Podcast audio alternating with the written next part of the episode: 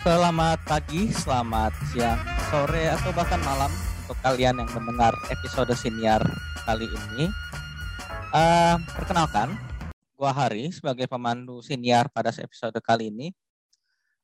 Pada kesempatan kali ini kami akan membahas lanjutan dari episode sebelumnya tentang konflik dari Rusia dan Ukraina.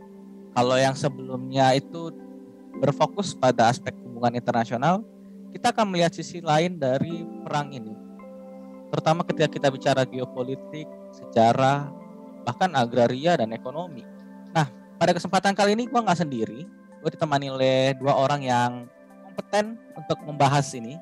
Uh, untuk bidang sainteknya kita sudah ada Bani Fadila Akbar ya, biasa dipanggil Bani atau Fadli, mahasiswa biologi di Universitas Tanjung Pura Uh, gimana Ban kabarnya? Alhamdulillah baik kabarnya. Oh, Oke, okay. good good. Dan juga untuk bidang soskumnya kita bakal membahas ini bareng host yang kemarin nih, Pak Islazwar Zain, Hubungan Internasional London School Public uh, School of Public Relation. Gimana kabarnya Faiz? Sehat? Alhamdulillah sehat. Oke. Okay. Mungkin kita bakal masuk ke bahasan yang paling pertama dulu seperti yang kita tahu, kepentingan politik dan kepentingan beberapa pihak-pihak tertentu yang dalam strata sosial itu ada di bagian paling atas. Dalam prosesnya terkadang membuat orang-orang yang berada di stratifikasi sosial paling bawah itu menderita, yakni rakyat, masyarakat sipil. Hal ini juga terlihat dari bagaimana perang dari Rusia dan Ukraina ini terbentuk gitu. Kita bisa lihat banyaknya pengungsi, harga-harga pada naik ya. Sanksi-sanksi ekonomi yang baik dari kubu Rusia maupun kubu Barat terutama Uni Eropa dan Amerika Serikat ini saling jual beli sanksi ya tentu saja dampaknya bisa ke mana-mana termasuk kita negara uh, non blok atau negara dunia ketiga yang secara tidak langsung butuh juga mereka negara-negara yang saling memberi sanksi tersebut. Sebenarnya kita juga ingin membahas apa sih sebenarnya yang membuat mereka berperang tapi tapi sebelumnya memang sudah dibahas di episode sebelumnya. Namun ada beberapa hal yang perlu kita pahami gitu. Kenapa sih Rusia ini membutuhkan Ukraina? Pertama-tama, Ukraina ini di masa sekarang merupakan buffer state antara NATO blok barat dengan mereka sebagai blok timur atau spiritual successor dari blok timur. Sedangkan di satu sisi Ukraina di bawah rezim Volodymyr Zelensky membutuhkan NATO untuk memperbaiki taraf hidup mereka, taraf hidup bangsa mereka agar tidak terus-menerus berada di bawah bayang-bayang Rusia. Ekonomi mereka sejak terpilihnya Volodymyr Zelensky setelah ada rezim-rezim yang selalu berpihak pada Rusia pada uh, pada sejarah Ukraina mengalami peningkatan ekonomi yang sangat pesat dan Ukraina optimis bagi mereka yang pro terhadap Zelensky. Apabila mereka benar-benar bisa bergabung dengan NATO dan Uni Eropa, ke depannya mereka bisa membangun taraf hidup yang baik dan melindungi bangsa mereka. Tidak hanya dari infiltrasi politik Rusia semata, melainkan stigma bahwa mereka adalah bangsa Slavia yang bisa dikatakan bangsa negara dunia kedua yang image-nya kurang baik, selalu diasosiasikan dengan komunisme, selalu diasosiasikan dengan sosialisme yang dianggap sudah kuno dan tidak relevan dengan bangsa masyarakat sekarang yang sudah serba liberal dan demokratis. Tapi Rusia juga punya hak untuk mempertahankan bangsa mereka sebagai sebuah negara yang utuh. Rusia sudah kapok melihat Uni Soviet sebagai sebuah federasi runtuh oleh teater perang dingin. Rusia juga memandang bahwa Ukraina ini adalah tempat nenek moyang mereka. Bangsa Kievan Rus. Akar bangsa Rusia di Kievan atau Kievan ya merupakan sebuah awal da dari kerajaan-kerajaan kecil ya di sana. Namanya itu Nias. Sebelum pada akhir abad ke-12 ya jadi kerajaan independen itu.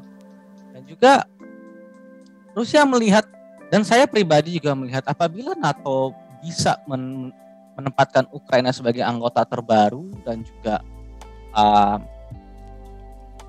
mereka bisa menempatkan pangkalan militer dan bahkan reaktor nuklir dialihkan menjadi nuklir militer, perang dunia ketiga malah lebih tidak bisa terhindarkan lagi.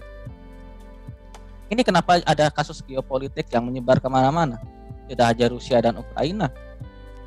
Konfliknya juga bahkan eh, di malam perekaman ini ya, 13 Maret 2022, Iran dan Irak sudah sudah ada konflik juga nih. Kalau buat kalian yang bisa lihat berita ada Iran eh, menembakin rudal ke Irak. Kemudian kamu tadi paginya juga sudah ada berita viral lah India tidak sengaja nembak rudal ke Pakistan dan Tiongkok Republik Rakyat Tiongkok yang terus-terusan mengancam uh, Tionghoa Taipei atau Taiwan atau Republik Tiongkok ya.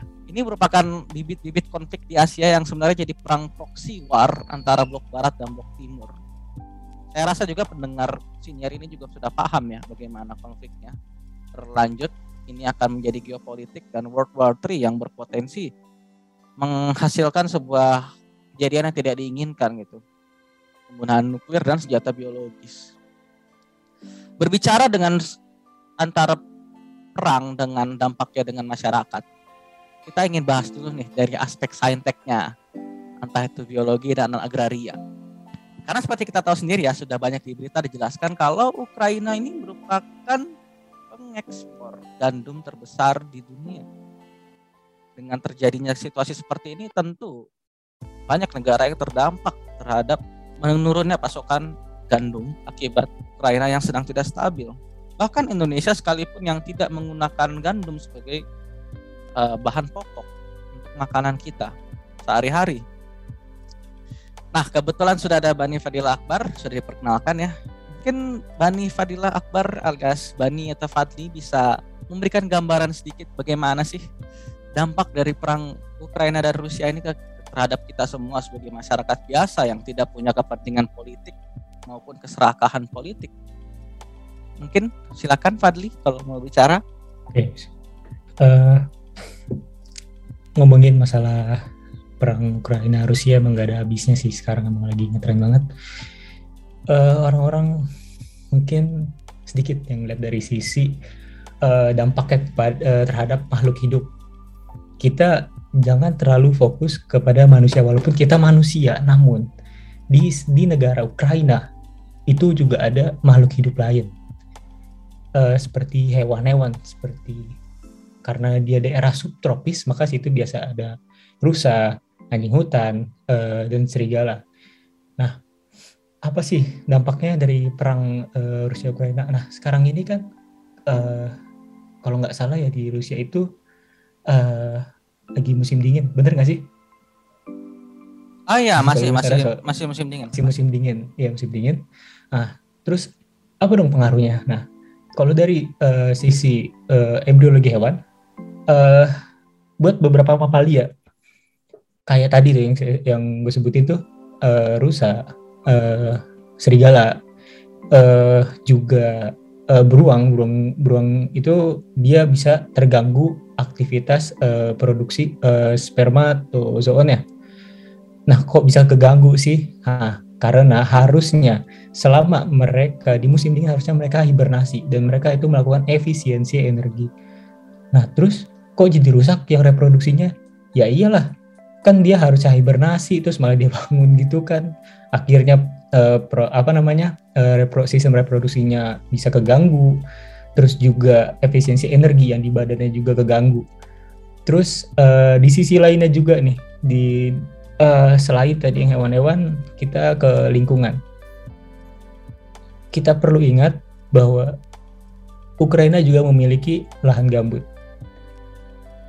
jika perang ini uh, terus meluas dan akhirnya merusak lahan gambut, uh, kita ketahui bahwa lahan gambut itu yaitu menyimpan uh, karbon lebih banyak daripada tanah-tanah biasa. Nah, jika uh, lahan gambut itu rusak, maka karbon akan uh, terlepas ke udara.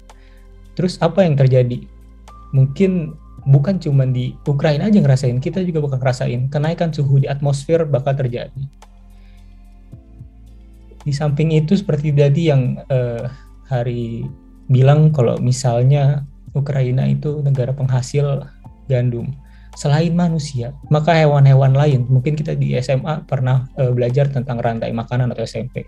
Begitupun juga dengan hewan-hewan tersebut dari mulai sebagai gandumnya itu produsen, uh, produsen terus konsumen satu, konsumen dua, seterusnya itu bisa terganggu, benar-benar terganggu uh, dari ekosistem si uh, makhluk hidup yang uh, berada di rantai makanan tersebut.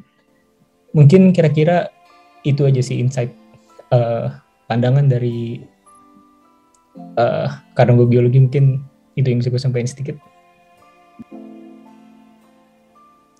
Oke, cukup menarik ya. Ternyata tidak hanya mempengaruhi manusia semata, melainkan juga makhluk hidup lain dan berpotensi merusak ekosistem, merusak keseimbangan rantai makanan, dan ujung-ujungnya merusak suplai makanan. Kenapa? Karena rasio kebutuhan uh, pangan dan jumlah manusia kan satu banding tiga. Kejadian seperti ini pasti bakal merempet ke mana-mana. Tentunya ini di masa yang akan datang cepat atau lambat lah bukan di masa yang akan datang ya apabila ini terus berlanjut kerusakan alam juga makin parah pandemi juga belum selesai ya tidak menutup kemungkinan bakal banyak wilayah di dunia ini yang akan dilanda krisis pangan selain di Ukraina tentunya sebagai epicentrum dari perang ini. Nah, terima kasih buat Bani atau Fadli tadi sudah memberikan gambaran dari aspek lingkungan dan uh, makhluk hidupnya. Nah, kita sekarang masuk ke ranah yang keladinya nih. Geopolitik dan peta uh, perang dunia lah kalau memang ada perang dunia amit-amit gitu. Selain itu kita juga bakal bahas beberapa aspek yang kemarin di episode kemarin dibahas sebelumnya, tapi secara singkat saja. Untuk memberikan gambaran lebih lebih jelas lagi gimana sih situasi kita di dunia ini. Yang kemarin kita pandemi belum benar-benar selesai, belum benar-benar masuk endemi, sebelum jadi tahap yang lebih rendah lagi, eh tahu-tahu dilanda krisis lagi harga-harga naik, politik juga makin gak stabil, yang kena ya rakyat kecil. Nah, siapa sih yang bisa membahas ini? Alangkah baiknya mungkin Faiz Lazwardi Zain atau Faiz mungkin bisa membahas ini secara garis besar dalam aspek politik, sosial, dan hubungan internasional. Silakan Faiz. Oke, uh, uh, baik. Terima kasih untuk Heri. Uh, sebelumnya menarik banget tadi ya yang dijelasin sama Heri dan juga Bani tentang dari uh, bagaimana sih perang Ukraina Rusia ini dari perspektif ekonomi, uh, sorry dari perspektif sejarah maupun agraria. Nah, mungkin berikutnya gue akan bahas di sini mengenai uh, geopolitiknya sendiri ya. Jadi itu uh, sebelumnya kita udah pernah nih ngomongin di episode yang ke-21 kemarin tuh tentang uh, bagaimana sih nih uh, kalau kita dari sudut pandang anak hubungan internasional ngomongin konflik Rusia Ukraina dalam beberapa bulan terakhir ini.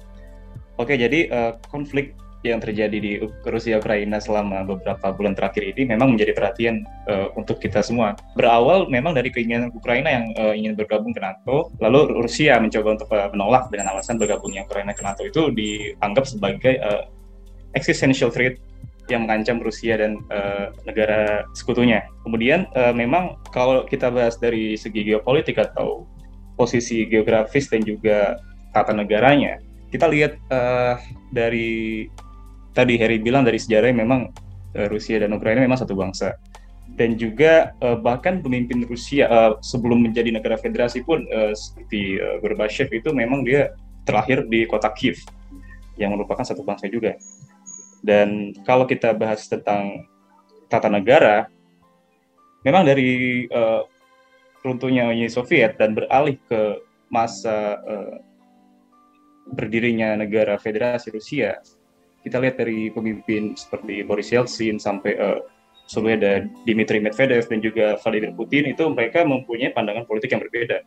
Mungkin ada yang uh, lebih pro ke barat dan juga uh, lebih uh, mendukung persatuan negaranya di Eropa Timur. Dan kalau gue sendiri melihat ini, ini adalah uh, kalau kita sebagai warga atau masyarakat Indonesia melihat ini, kita bisa ambil satu fakta, tapi kita bisa juga lihat dengan dua sudut pandang yang berbeda. Kenapa? Karena kemarin gue dengar Presiden Jokowi mengatakan bahwa ya memang perang ini merupakan uh, perang ini cuman hanya menyengsarakan masyarakat, menyengsarakan uh, warga negara. Dan uh, tapi uh, gue lihat pandangan berbeda dari uh, statement yang dikeluarkan oleh Kementerian Luar Negeri kemarin. Uh, kalau nggak salah itu pernyataan ya, pernyataan dari Kementerian Luar Negeri, Indonesia itu harus menghormati tujuan dan prinsip dari uh, piagam PBB atau UN Charter. Seperti uh, kita harus menghormati integritas wilayah mereka, kedaulatan, bahkan uh, kawasan mereka itu harus kita hargai gitu, atau uh, perdamaian setelah dan juga uh, mereka memilih untuk berdamai dan juga menjalankan stabilitasnya kita harus menghormati. Dan kemudian uh, yang ketiga, Indonesia meminta agar situasi ini dapat segera dihentikan dan semua pihak uh, dan semua pihak agar menghentikan permusuhan serta mengutamakan penyelesaian secara damai melalui jalur diplomasi. Nah ini dia, melalui jalur diplomasi. Ini kalau gue lihat dari uh, piagam PBB pasal 2 ayat 2, di situ uh, dijelaskan bahwa seluruh anggota menjamin hak-hak keanggotaannya harus dengan tidak memenuhi kewajiban-kewajiban yang diatur dalam piagam PBB ini melalui uh, diplomasi. Dan ketika ada uh, jadi itu kalau menurut hukum internasional negara itu boleh uh, mempunyai strategi atau uh, mengambil alih uh, militerisasi itu kalau ada yang namanya ancaman dan juga adanya uh, peperangan yang memang tidak diinginkan. Nah, kalau gue lihat dari statement dan juga uh, adanya charter dari UN ini atau piagam PBB ini menarik sih Indonesia di sini kayaknya mengambil uh, pasal 2 ayat 3 yang di mana ayat 3 ini meluruskan bahwa seluruh anggota harus menyelesaikan persengketaan internasional dengan jalan damai. Enggak ini yang seharusnya diambil Indonesia harusnya pasal 3. Uh, eh, pasal 2 ayat 3. Tapi yang gue lihat statementnya kemarin yang sempat banyak diplomat itu yang walk out dan Indonesia support di situ. Karena yang menjadi sponsornya itu adalah Amerika. Dan signatorisnya Indonesia di situ. Dan mereka menyetujui pasal 2 ayat 2 ini. Yang uh, semata-mata hanya menjamin keanggotaan serta uh, dia harus menjalankan kewajiban sesuai piagam PBB tapi seharusnya uh, kalau gue bilang sih lebih baik Indonesia waktu itu abstain aja karena di sini ditulis kalau mencapai jalan damai kenapa nggak dengan uh, jalur diplomasi sehingga tidak ada keadilan yang terancam gitu. Nah, harusnya jadi penengah aja gitu Indonesia di sini.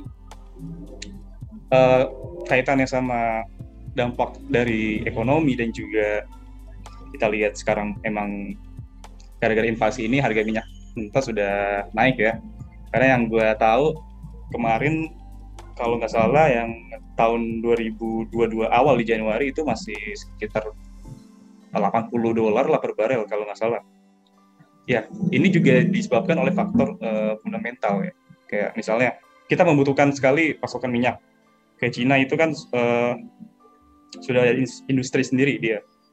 Dan dari invasi ini ya yang bergerak itu adalah OPEC melalui kebijakannya. Ya mereka memangkas produksi uh, apa energi minyak ini sendiri uh, tidak hanya minyak, Rusia juga di apa dihabisi oleh beberapa macam apa sanksi berat ya. Seperti contohnya kemarin di blok tuh apa namanya Swift kode ya buat ATM itu ya. Dan juga Rusia juga sempat penerbangannya juga ditutup. Terus ya mungkin itu sih yang me memang terasa banget. Dan ya untungnya WNI kita sudah pulang ya, uh, hampir mungkin ada beberapa yang masih di uh, dalam situasi konflik dan harus dipulangkan kembali. Nah, tapi gue melihat ini ya dari Rusia ini sendiri kan memang dia termasuk negara yang ya bisa dibilang uh, negara yang memang mengekspor lebih dari 50% gasnya ke Eropa. Ya ini kalau kita lihat dampaknya ke harga-harga yang naik ini ya berasa banget. Kemudian apa sih yang sebenarnya terjadi gitu? kalau gue lihat ini uh, Ukraina dia mainnya media nih. Tapi Rusia Rusia nggak nggak perlu maksudnya nggak perlu backingan lagi. Dia udah buka kartu aja semuanya udah dihadang semua gitu. Oh ada sanksi dihadang ada sanksi dihadang gitu. Ya udah uh, akhirnya belum lama kan Ukraina tiga hari lalu kalau nggak salah dia menolak join ke Uni Eropa. Uh, kemarin sih memang mereka menolak untuk bergabung dengan Uni Eropa. Cuman uh, ke depannya nggak tahu langkah-langkah yang diambil oleh Zelensky ke depan apa nih? Mungkin itu sih. Uh, kemudian kalau tadi Harry bilang ada proxy war blok barat dengan beberapa negara di Asia Timur dan Asia Tenggara memang itu bisa bisa saja terjadi. Apalagi sampai ya mudah-mudahan nggak sampai perang nuklir beneran ya. Uh, kalau kita lihat ya Indonesia memang lagi di apa ya di timpa musibah besar-besaran lah tahun ini di samping kita jadi presidensi G20 yang harusnya kita mendukung penuh uh, perekonomian dunia kita kan sebagai negara-negara besar nih raksasa ekonomi besar ya masa momen seperti ini kita harus menghadapi perang gitu loh. Seharusnya ini jadi kebangkitan ekonomi buat negara Eropa, Asia Timur dan juga Asia Tenggara untuk menyebarluaskan uh, yang namanya itu kemarin kalau ada kalau ada konsep ya namanya itu green economy. Jadi harus kita harus uh, mengedepankan masalah kelingkungan juga di samping uh, banyaknya ekspor impor dan juga ya itu tadi uh, bisa ada perang ya. Kenapa gitu loh?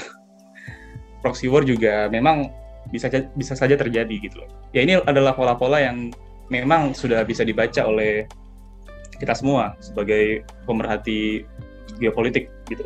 Untuk warga negara Indonesia kita sebagai masyarakat harus pintar-pintar lah memilah uh, sumber-sumber yang ada di berita maupun yang ada di setiap ya walaupun itu berita yang memihak ke barat atau memihak ke timur atau ke Rusia kita kita harus tadi yang gue bilang kita dapat satu fakta tapi kita harus uh, dapat dua perspektif yang berbeda gitu. Yang penting sih itu dari uh, kita sebagai masyarakat Indonesia harus memegang apa satu fakta tapi kita bisa mengambil dari dua sisi sudut pandang yang berbeda. Gitu aja menurut gue. Baik, terima kasih Faiz. Menarik tadi melihat bagaimana kita sebagai negara dunia ketiga ya, negara non blok. Ya. Yeah.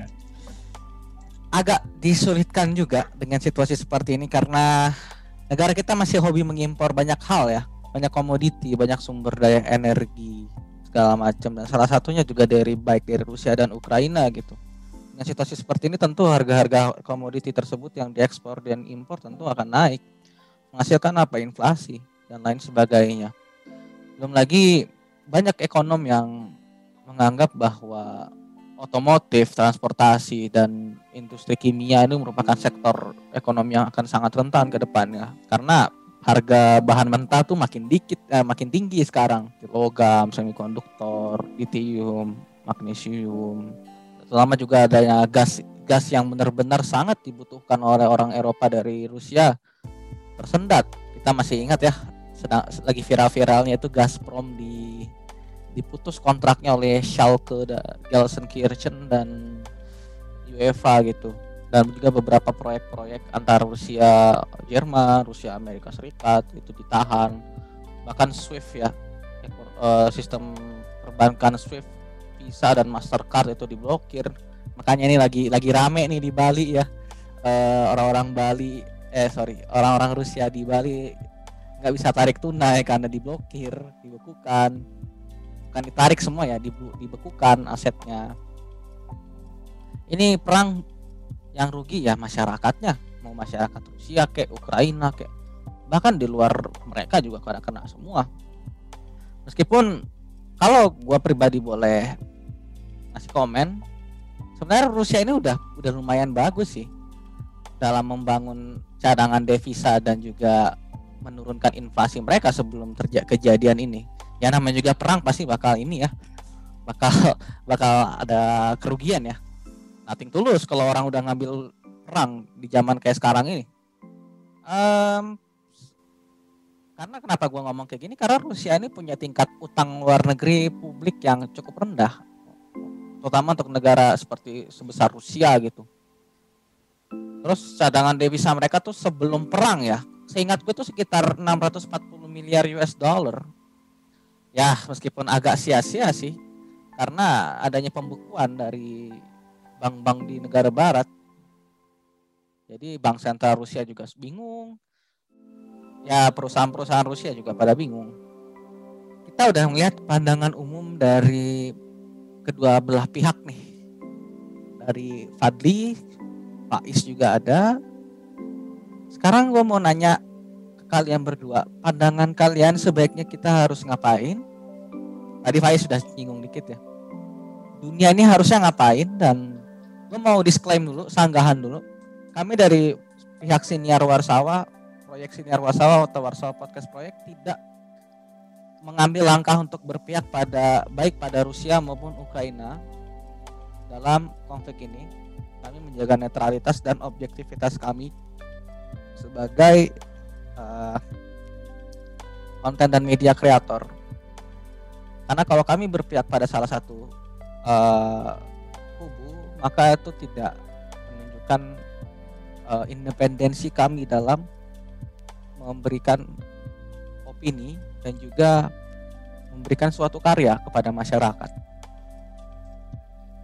Mungkin kita bisa mulai dari Bani dulu. Mungkin kalau ada sesuatu yang karena tadi Bani agak singkat ya pemberian pandangan umumnya, mungkin bisa sekalian juga ditambahin. Baru habis itu ngasih pandangannya Indonesia ini harus ngapain? Apakah ini jadi kesempatan nih buat orang Indonesia bisa autarki nih memanfaatkan sumber daya alamnya sendiri, nggak melulu impor-impor apa kelapa sawit salah satu yang terbesar di dunia tahu-tahu minyak goreng langka harganya tinggi kan lucu ya mungkin ini bisa jadi kesempatan kah? Atau bisa malah jadi malah bencana lebih parah lagi? Indonesia nggak bisa ngimpor sana sini malah kita jadi krisis makin parah. Mungkin gimana nih? Ada pak ini kah? Ada semacam pandangan lain kah? Uh, menurut gue ya terkait uh, perang ini pasti gue setuju banget. Uh, dari perang ini harusnya Indonesia berkaca buat lebih mandiri, baik dalam produksi bahan primer, sekunder, tersier. Kita kita nggak boleh terus terusan impor yang uh, harusnya kita bisa uh, produksi sendiri. Terus juga, oh ya tadi gue kurang sih, buat dampaknya, sorry, buat dampaknya dari perang itu pasti ada kan namanya limbah perang. Limbah perang itu bisa uh, merusak, uh, bisa jadi pencemaran air atau bahkan pencemaran udara pun bisa kan mungkin uh, dari uh, senjata-senjata yang digunakan gitu melepaskan senyawa-senyawa kimia atau merusak kualitas air gitu di sana.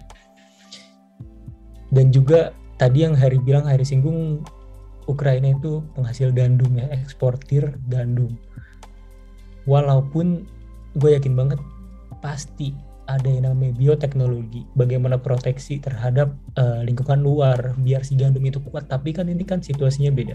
Ini perang dan ini bukan pertahanan terhadap eh, hama-hama alami gitu. Ini beda. Airnya pun mungkin uh, tercemar oleh limbah senyawa kimia hasil peperangan itu. Pertama, selain matinya si gandum itu bisa juga menurunkan kualitas nutrisi dari si gandum itu. Nah, terus dampaknya ya tadi menu, apa turun lah apa namanya uh, produksi uh, buat ekspor keluar yang notabene negara-negara luar mungkin uh, membutuhkan uh, gandum. Oke, di samping dari itu balik lagi Indonesia, langkah Indonesia yang paling tepat adalah berda kita harus uh, gimana caranya buat damai apalagi kita jadi presiden di G apa pemimpin di G20 ya? Kita yang dapat kan ya sekarang? G20 terus juga kemarin ngebahas tentang COP COP climate uh, control. Uh, harusnya dengan peperangan bisa menyebabkan perubahan iklim dengan merusak lahan gambut yang ada di Ukraina. Nah Indonesia harusnya bisa gimana ya?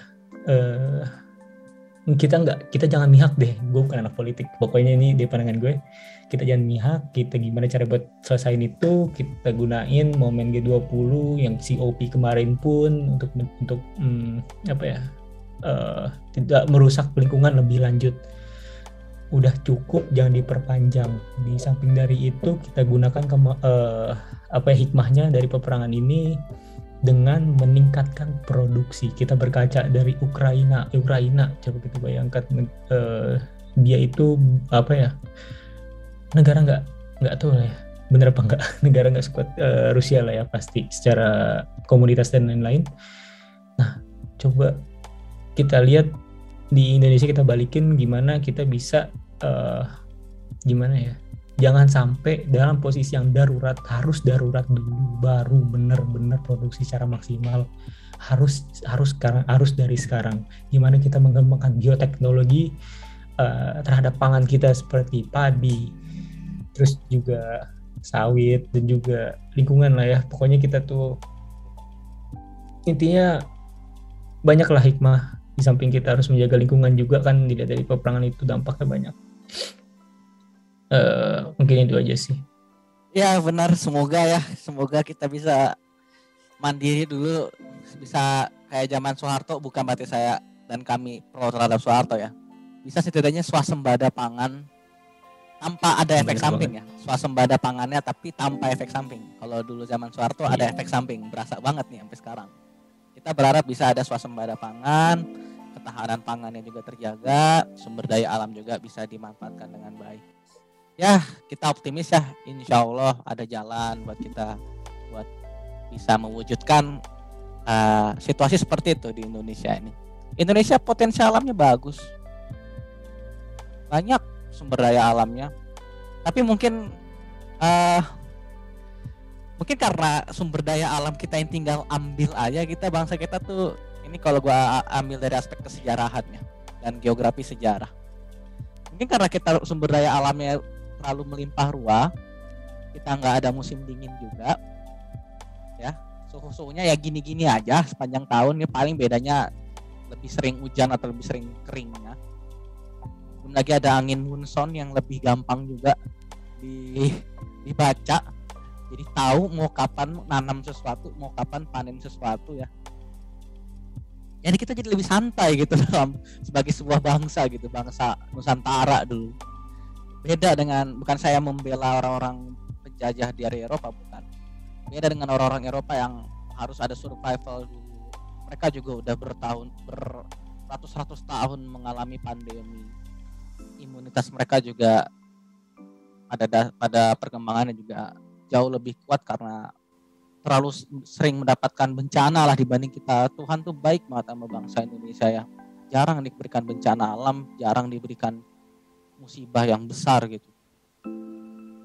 Kekayaan alam juga dalam tanda kutip tinggal ambil, nggak seperti bangsa Eropa yang bahkan harus menjelajah gitu, cuma buat nyari biji pala aja, buat nyari rempah-rempah aja yang kita tinggal ambil, mereka harus menjelajah.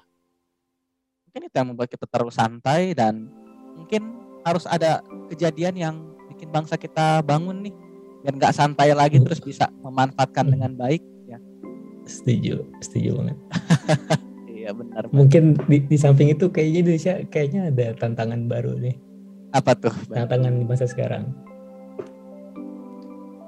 Banyaknya pertambangan yang merusak lingkungan. Wah. Meluasnya lahan sawit. Ya benar benar juga benar. pertumbuhan populasi yang meledak. Gimana? Coba kita nggak gimana ya? Kita tuh minimal harus waspada lah tadi bener yang dia bilang terus juga turunlah kualitas uh, pro, apa kualitas produksi pangan kita karena itulah pencemaran dari pertambangan lah dari apa namanya uh, dari limbah-limbah tambang emas gitu kan. Juga sawit itu kan. Ya begitulah ya. Kita kita ada kita ke depannya bakal ada population boom juga. Selain dari zaman setelah pasca perang dunia kedua tentu kita bakal ada population growth yang luar biasa nanti ke depannya. Kita udah kayaknya udah tembus 300 udah, udah tembus 300 juta ya bangsa kita ya populasinya. Tapi gue. udah ya. Sebagai komparasi Amerika Serikat saja populasinya seingat saya juga belum sampai 300 juta, masih 200 jutaan lah.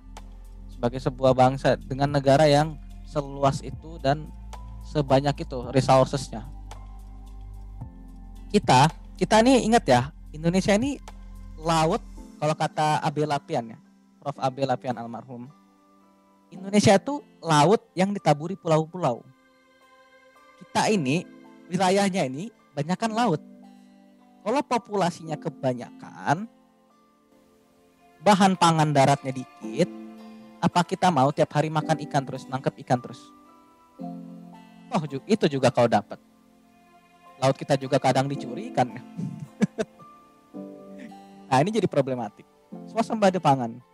Semoga lah kita bisa membentuk swasembada pangan yang baik dan juga kasus-kasus tambang ya. Melihat banyak sekali ya kasus-kasus penambangan ilegal, penggusuran ilegal tanpa persetujuan yang jelas, yang ternyata merusak lingkungan secara AMDAL tidak bisa terlihat, entah itu di Wadas atau uh, seperti yang ada di Merauke itu ya. Namanya pokoknya itu namanya namanya apa sih itu yang di Merauke itu yang sebenarnya itu bagi gabungan dari peternakan, uh, pertani eh, pertanian sama perkebunan. Namanya Merauke Food Estate ya. Ya, Integrated Food and Energy Estate nah yang pada dasarnya mengambil tanah masyarakat adat Papua tanpa seizin mereka bahkan juga dilibatin dalam diskusi pembangunan itu juga kagak. Di Sulawesi juga banyak tambang-tambang yang ilegal tahu-tahu dibolehin dengan undang-undang yang sebenarnya kelihatannya kong kali kong gitu. Tapi saya nuzon aja. Mungkin ada kesalahpahaman ya. Ya benar saya setuju dengan Bani Fadila Akbar ya alias Bani atau Fadli. Semoga ke depannya uh, stakeholder pemerintahan kita bisa lebih memerhatikan rakyatnya dulu. Karena kalau mikirin uang mikirin nafsu tuh nggak ada habisnya. Tahu-tahu kita serakah kita lupa ada masa depan ada keberlangsungan. Kalau kita cuma serakah untuk masa sekarang masa depannya kita habis ya percuma. Itu uang mau dikemanain? Uang yang kita terima dari sogokan mungkin atau dari hasil korupsi mungkin nggak bakal berguna juga kalau jadi inflasi mah seperti itu. Bagus terima kasih untuk Bani Fadil Akbar alias Fadli atau Bani. Mungkin kita beralih dulu nih ke aspek kita sebagai bangsa secara politik sosial dan bahkan mungkin militer. Kita nih harus ngapain ya Faiz? Atau mungkin kita harus ikut perang kah dengan uh, Ukraina atau perang dengan Rusia kah? Soalnya kan ada sentimen agama ya rata-rata pada milih Rusia tuh karena Putin terlihat pro dengan terhadap Islam padahal kalau kalian sadar kalian sih sadar mungkin banyak pendengar yang belum sadar Islam ini cair banget dari zaman perang dunia satu perang dunia dua perang komunis liberal, Islamnya ada di mana-mana. Ini juga Ukraina sama Rusia juga yang yang dukung dari pihak Islamnya banyak juga dua-duanya. Yang di Ukraina itu ada, udah ada beritanya ya, uh, apa dah? Mufti dari Ukraina tuh yang wajahnya western banget itu sekarang udah udah join tuh uh, jadi garda salah satu garda pasukan Ukraina dan juga orang-orang Chechnya, orang-orang Chechen yang kontra dengan Putin pada perang pemberontakan Chechnya dari Republik Rusia itu banyak yang kabur ke Ukraina dan bergabung ke garda pasukannya Ukraina. Dan sedangkan dari kubu Rusia ya saya tidak perlu banyak berbicara lah pasti banyak yang sudah tahu juga bagaimana ada seorang Ramzan Kadyrov, adanya provinsi atau republik ya karena federal, Republik Chechnya yang memiliki otonomi yang khusus sekali untuk menerapkan syariat Islam. Gak cuma Chechnya ya, ada juga Dagestan. Dan ini jadi kalau kita pakai sudut pandang agama jadi nggak relevan karena ya dua-duanya kubunya juga banyak yang muslim gitu. Islam tuh cair banget. Di komunisnya juga banyak dulu di Uni Soviet. Bahkan pas Perang Dunia Kedua yang ngibarin bendera Uni Soviet di Stalin eh Stalin uh, Stalingrad ya dia di Stalingrad tuh ya itu muslim seorang muslim juga nah mungkin bisa lebih jelasnya sama Faiz nih silahkan Faiz mungkin pandangannya. Iya yeah, oke okay, Harry. Mungkin dari apa tadi kita ingin memperkuat aspek persatuan dan militerisasi ya. Kita harus sebenarnya harus balik ke dasar aja sih kayak bagaimana sih kita cara menjaga komitmen persatuan ini di tengah keberagaman ya. Ya mungkin yang kita kenal ya paling ya saling menghormati dan menghargai tapi itu tidak cukup. Ya yang seharusnya itu memang kita lebih uh, menumbuhkan rasa cinta dan bangga juga kepada budaya kita sendiri dan juga uh, samping itu juga terkait dengan hal yang kontra dan uh, apa menyebarnya berita-berita palsu atau hoax. Nah ini kita juga harus menghindari berita palsu macam itu. Kemudian uh, menyebarkanlah pikiran positif, tidak ada lagi radikalisasi di sana sini. Dan kemudian tadi yang sudah Harry bilang ya, uh, pemberitaan ya tentang Mufti Ukraina ya, uh, siapa namanya tadi Said Ismagilov. Ya, kalau nggak salah dia minta bantuan nih ke umat Islam gitu.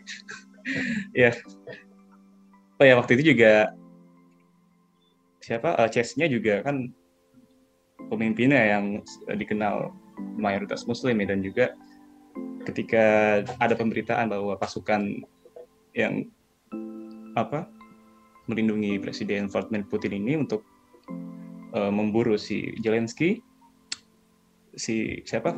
Pemimpinnya itu tewas dan ternyata pas ditelusuri dia masih ada dan itu kan termasuk tadi yang gue bilang menghindar kita harus menghindari pemberitaan palsu dan harus melihat dua pandangan sudut pandang yang berbeda juga dari pemberitaan yang keluar nih di media sosial. Bahkan barusan gue lihat nih uh, di apa sosial media katanya Rusia pengen memblokir Instagram mulai hari Senin kayak nah sebenarnya yang kedua nih kalau tadi bilang untuk menjaga apa memperkuat mungkin kalau armada militer juga satuan NKRI dan lainnya kita uh, sebenarnya gini kita harus mengambil kesempatan dulu nih dalam peperangan ini dan juga tadi ambil hikmahnya juga. Karena di samping situasi yang makin sulit ini kita kita kan nanti nih di 2030 ada yang namanya uh, apa kalau tadi Heri bilang yang penduduk makin meluap nah justru nanti 2030 kita harus memanfaatkan namanya bonus demografi. Jadi maka nanti anak-anak muda harus di apa ditumbuhi pemikiran positif dan juga uh, bela tanah air juga harus di apa dilatih ya. Dan kemudian tadi sempat ya uh, gimana nih uh, biar kita bangkit lagi. Mungkin kalau dari ekonomi juga ya. Mungkin tambahan dari gue sih sedikit tadi ya. Kita dulu kan terkenal banget tuh untuk ekspor bahan bakal sumber daya alam yang mentah. Nah ini seharusnya kita stop aja nih sumber uh, ekspor sumber daya alam yang mentah. Nah justru dari sini kita bisa apa Indonesia ini sendiri bisa mempunyai strategi dari yang mana tadi sumber daya alam mentah ini misalnya kayak nikel lah contohnya kita jadikan nikel ini sebagai bahan baku utama litium. Nah, dari situ kita bisa bikin kendaraan listrik. Nah, ini yang harus kita manfaatkan di tengah situasi seperti ini gitu loh. Dan tidak tidak hanya kita memperkuat apa pertahanan untuk kesiapsiagaan nanti nih kalau ada peperangan di Asia Tenggara atau apa. Kita justru harus, harus pertama-tama itu harus uh, memanfaatkan lah kondisi seperti ini gitu. Uh, selanjutnya uh, mungkin tadi ya yang sudah Bani bilang juga banyak banget ya petambang eh, apa pertambangan ya yang rusak alam dan lingkungan juga sebenarnya sebelumnya kan gue sempat singgung tuh uh, kita itu dulu uh, pas kemarin ya COP26 sempat di apa di kalau nggak salah waktu itu Alok Sharma sebagai presidensinya sempat tunjuk Indonesia Indonesia ini salah satu negara yang potensi punya center of green economy di kawasan Asia Tenggara. Karena kenapa? Itu dia, kita bisa manfaatin nih, uh, misalkan Indonesia luas nih ya, kita bisa memperbanyak kawasan ekonomi khusus.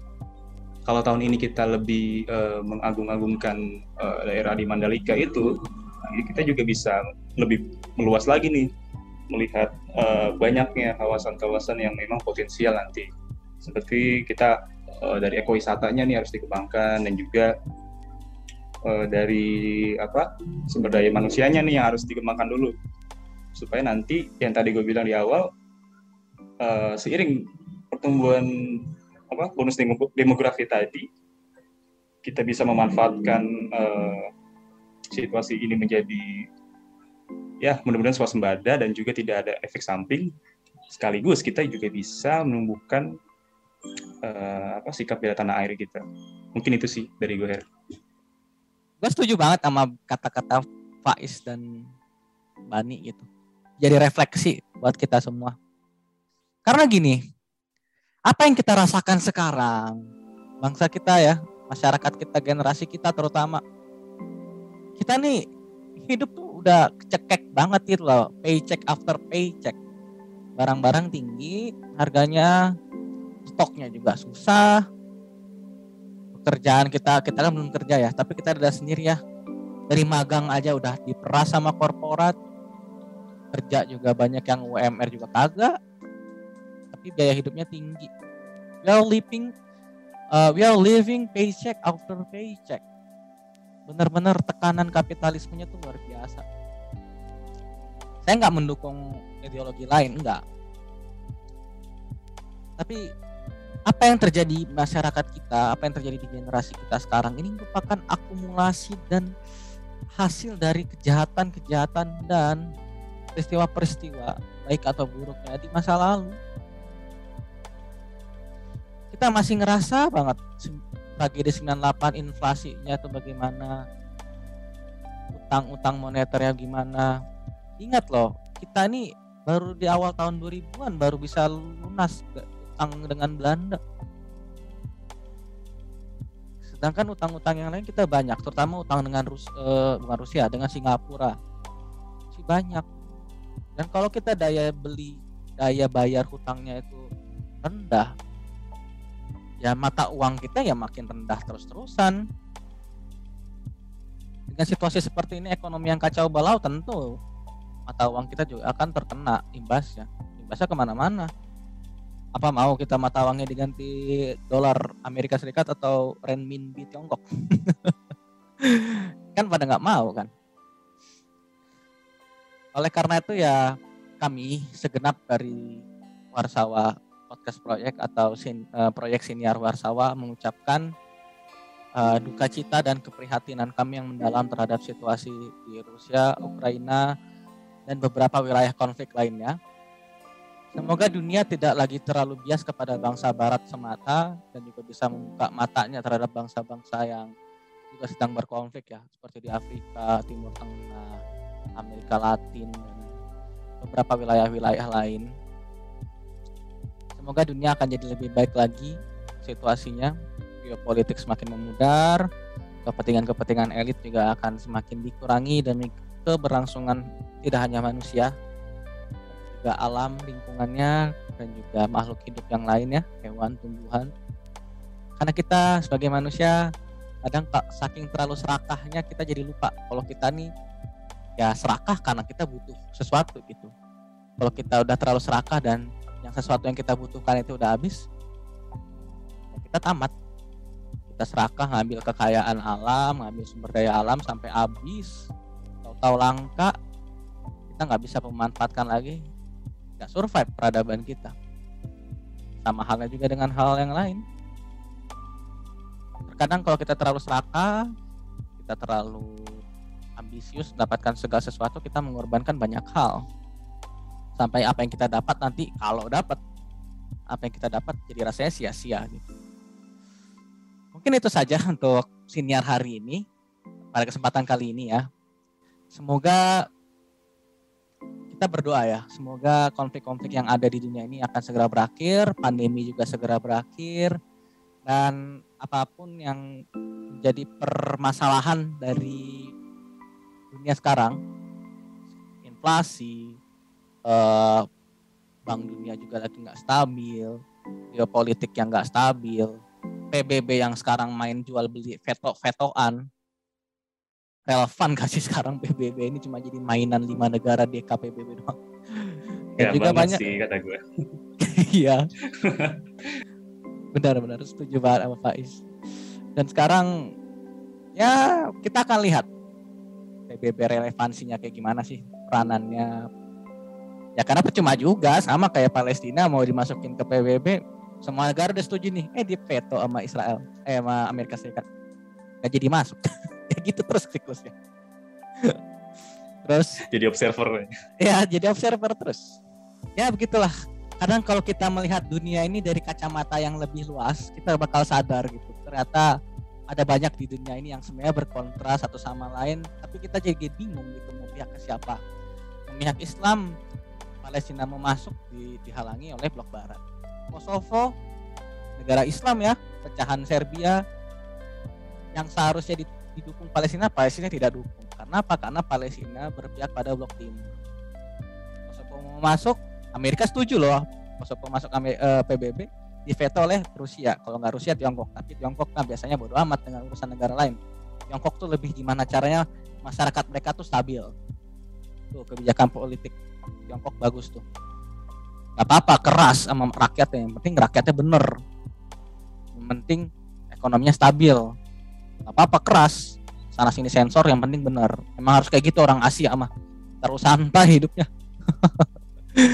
Oke, itu saja dari kami pada kesempatan kali ini. Ya, mungkin sebelum kita tutup, mungkin ada lagi yang mau bicara. Fadli, ini lagi on mic nih. Silakan Fadli kalau mau on mic. Oke, okay. mungkin ini uh, sedikit uh, epilog ya, bener kan ya epilog dari uh, senior kita yang kali ini terkait peperangan Ukraina dan Rusia uh, kita perlu ingat bahwa Tuhan menciptakan makhluk hidup tidak hanya manusia.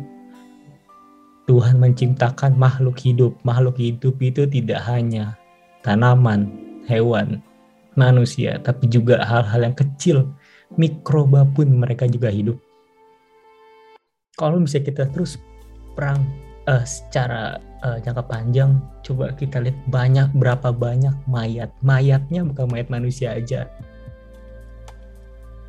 kita hidup di lingkungan yang uh, saling uh, terikat uh, kita saling terikat uh, dari satu organisme dengan organisme lainnya jadi lebih baik emang uh, damai dan juga tidak perang sih. Bagus bagus bagus, bagus. keren keren keren. Good good good. Oke okay, thank you uh, Adi tambahannya. Keren keren keren. Ya kita harus sadar ya. Kadang jadi manusia emang kita kufur nikmat gitu. Harus sadar kita kalau nggak ada makhluk lain nggak ada sumber daya nggak ada alam ya kita nggak bakal jadi apa-apa cuma jadi tanah doang gitu. Ya ingat ya jangan bersikap langit teman-teman ingat kalau kita ini dari tanah dan bakal jadi tanah oke? Okay? uh, eh, mungkin itu saja dari kami. Uh, kami doakan bagi yang mendengar siniar kali ini uh, kali ini episode ini bisa selalu sehat rezekinya lancar dan dimudahkan urusannya. Karena sekarang ini merupakan situasi yang sangat sulit ya.